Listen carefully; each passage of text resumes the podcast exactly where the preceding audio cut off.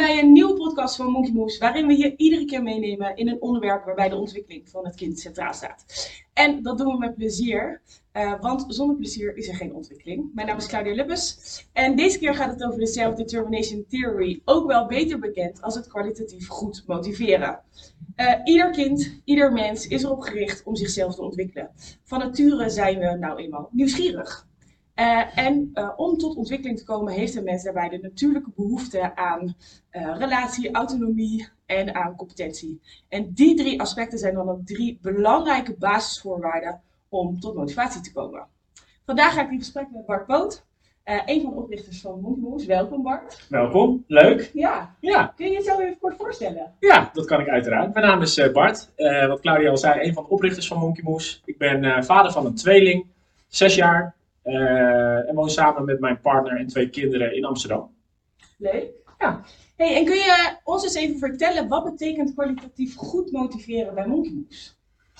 Nou, kwalitatief goed bewegen, of bewegen, motiveren bij Monkey Moose uh, betekent in mijn ogen dat we uh, de kinderen op een dusdanige manier prikkelen dat ze intern uh, gemotiveerd raken om iets te doen. want interne motivatie, dat, dat zorgt er uiteindelijk voor, voor dat, het, uh, dat het ook beklijft en dat het ook uh, een lang leven beschoren is. Um, en het is aan onze taak om de, de cues en de, de, de verbale communicatie zo te doen dat kinderen uiteindelijk zelf gemotiveerd uh, raken en dat het niet altijd met externe prikkels moet. Soms zijn die nodig, um, maar fijn als, als dingen ook intern gemotiveerd lukken. Ja. ja. Hey, en, en hoe kun je nou die, uh, als ouder uh, die verschillende uitingsvormen van motivatie herkennen? Nou, laten we even beginnen, want je zei net al in je introductie, de, de Self-Determination Theory. Er uh, zijn drie hele belangrijke aspecten. De competentie. kinderen, iedereen, ouders, iedereen eigenlijk, heeft het gevoel van competentie nodig. En dat betekent niks anders dan weten dat je iets kan. Um, en dat betekent dat je bij kinderen uh, die zijn in een enorme ontwikkeling op motorisch gebied. Dat je niet uh, een kind van drie vraagt om op een volwassen fiets zonder zijwieltjes uh, weg te fietsen. Want dat is een bridge too far, dat snappen ze nog niet. maar je kan kinderen wel op leeftijd drie vragen om op een loopfietsje of op een driewielertje al dingen te doen. En door op de juiste leeftijd de juiste dingen aan te bieden, zeg maar, ga je kinderen meenemen in hun ontwikkeling. Um, en vraag je van, joh, we gaan zo meteen boodschappen doen volgens mij kan jij al heel goed op je eigen loopfietsje, uh, toch? Ja, dat kan ik, hoor je dan. Uh, en dat vinden ze maar, uh, maar wat leuk, omdat ik er zelf doen, ik er zelf doen, leeftijd 2, 3 jaar. Ehm, dus je moet zorgen dat je ja, aanspreekt op de, op de competentie. Um, de autonomie, ik er zelf doen, ik zei het net al eventjes. kinderen houden er ook van om dingen zelf te doen. bijvoorbeeld bij mijn dochter, die, die strijd hebben we al heel lang geleden losgelaten ze vindt het fijn om zelf haar eigen kleding uit te zoeken. Autonomie. Nou, fantastisch. Soms komt ze naar beneden en dan denk ik, hmm, ik had een andere combinatie uitgekozen. Maar het feit dat ze het zelf doet, zeg maar, en dat ze daar uh, de autonomie in pakt, is, is, is geweldig. Uh, en de laatste is uh, relatie of verbondenheid. En het is heel, gewoon heel belangrijk dat je verbonden bent met je kind. en daar ook een connectie mee, mee hebt en dat ze gezien worden uh, dus bijvoorbeeld door te zeggen van joh, ik zie dat je tegen mijn dochter, joh, ik zie dat je je eigen kleren uit, uit de kast hebt getrokken. En dat je een broek, een shirt, en sokken en, en schoenen en dan bijpassende jassen hebt gepakt. Wat fantastisch. Je bent klaar om naar school te gaan. Ik zie haar en daarmee hebben we ook een stukje verbondenheid. Wat mooi dat je dat zo, uh, zo zegt. Hey, want je haalt al allerlei voorbeelden natuurlijk aan van je ja. van de thuisgrond. Ja. Uh, want volgens mij had je het nog niet eens gezegd, maar je hebt een tweeling, hè? Ja. Max. Ja. Um, hoe kan je nou thuis aan de slag gaan met kwalitatief uh, motiveren? Hoe, hoe kun je dat goed doen als ouder? Nou, ik, ik zei het net al, uh, voor, voor een deel denk ik uh, kleine stapjes. En uh, ik denk ook belangrijk, choose your battles. Elke ouder zal dat waarschijnlijk wel, wel herkennen. er zijn duizend en één battles te strijden op een dag. En je wil ze niet alle duizend en één aangaan. Maar pik er een paar uit. Ehm, en, en daar op die, die battles die je wil gaan strijden. Bijvoorbeeld het opruimen van de Duplo of de Lego die dwars door de woonkamer ligt. En jij denkt schoonmaakster komt, moet ik dat weer uh, opruimen? Nee, gaan we anders aanpakken. Deze battle gaan we de komende weken gaan aan werken. Um, en dat ga je dan uh, aanpakken. Bijvoorbeeld door te zeggen van joh, er ligt hier nog een hele hoop Lego waar je heel lekker mee gespeeld hebt. En ik weet dat jij dat zelf heel goed kan, kan opruimen. Daarmee heb je al een stukje verbinding.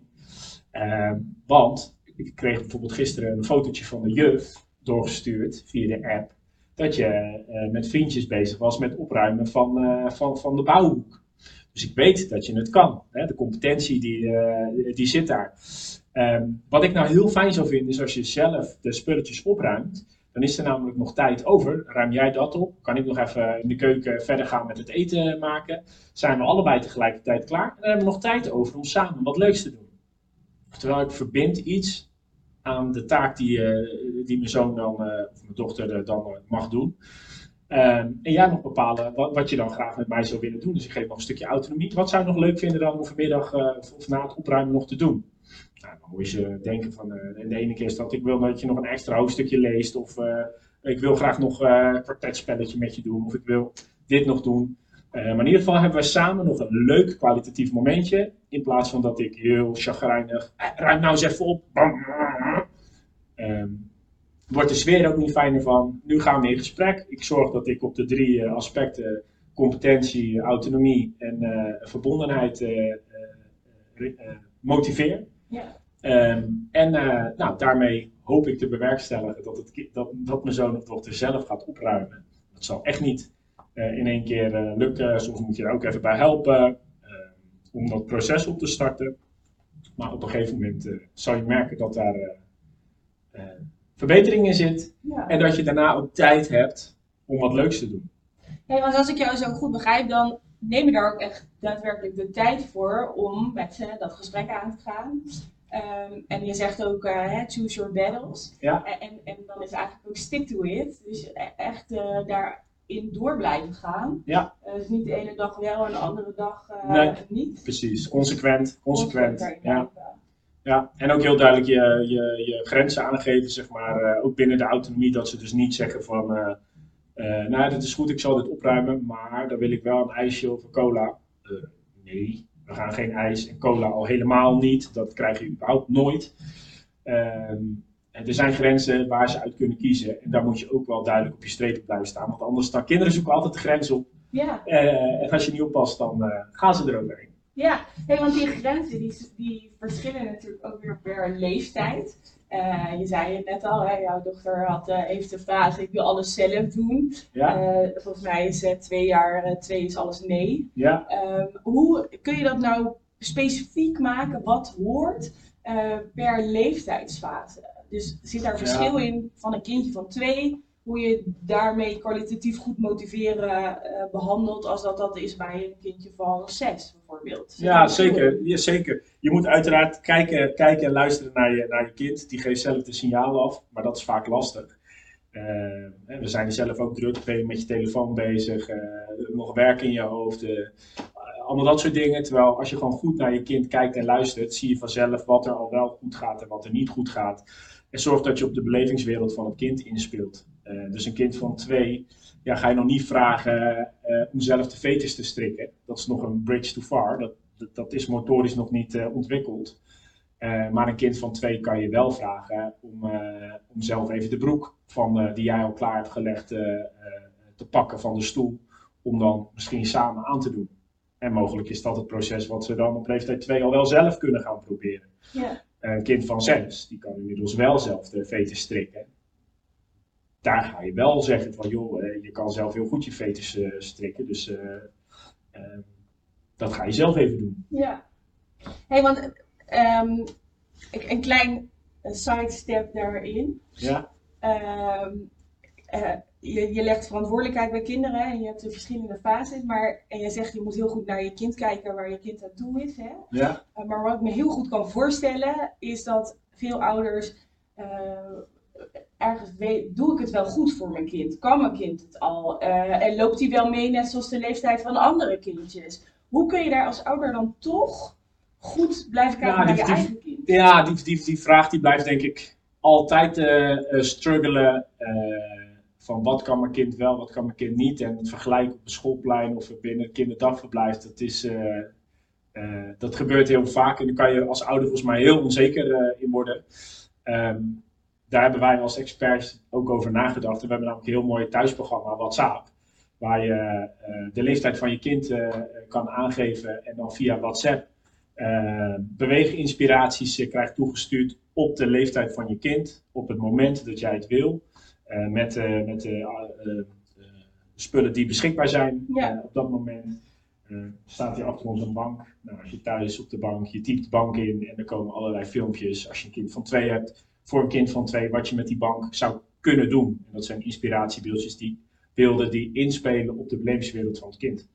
Dus eigenlijk vanuit Monkey Moves proberen we daarin die onzekerheid bij ouders weg te halen. En misschien ook wel te zeggen, weet je, ieder kind heeft zijn eigen ontwikkelingspad. Ja, en ja. Dat, dat is oké. Ja, dus dat is helemaal oké. En tegelijkertijd uh, met, bepaalde boundaries, zeg maar, ontwikkelt een kind wel uh, een, een, eigen ontwikkelpad. En sommige kinderen blijven bepaalde onderdelen heel erg achter of lopen heel erg voor. Uh, dat zijn vaak ook nou, alarmbellen waardoor kinderen in een bepaalde medische molen terechtkomen. Of dat helemaal goed is, denk ik een andere uh, discussie. Ja. Uh, maar als ouder wil je altijd wel, we wel weten, zeg maar, ga ik binnen de grenzen, binnen die boundaries, loopt mijn kind nog wel oké? of loopt hij uit de pas en moet er ergens extra aandacht uh, voor komen? En daar proberen wij ouders ook mee, mee te helpen. Ja.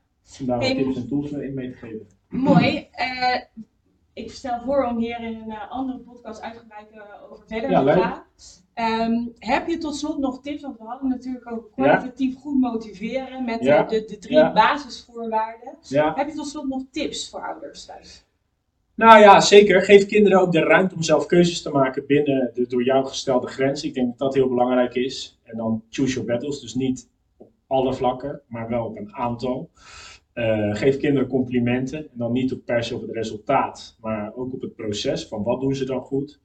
Uh, dus je geeft ze niet een compliment over van goh, uh, wat zie je er leuk uit. Maar goh, wat heb je, wat heb je een leuke broek, een shirt en een jasje uitgezocht. En dat, ik vind dat dat nog heel leuk bij elkaar matcht. Dat, heb je, dat proces heb je goed gedaan. Dus je coacht op het proces. Ja.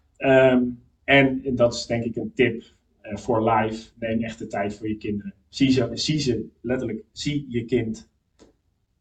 En uh, ja, dat is, dat is misschien wel het allerbelangrijkste. Ja, want voor je weet zijn ze natuurlijk opgegroeid en groot. Ja, ja, ja, ja. Hey Bart, mag ik jou ontzettend bedanken voor uh, deze podcast. Uiteraard. En voor de uitleg over het kwalitatief goed motiveren. En um, tot gauw. Tot gauw, dankjewel. Tot de volgende. Bedankt voor het luisteren. Doei.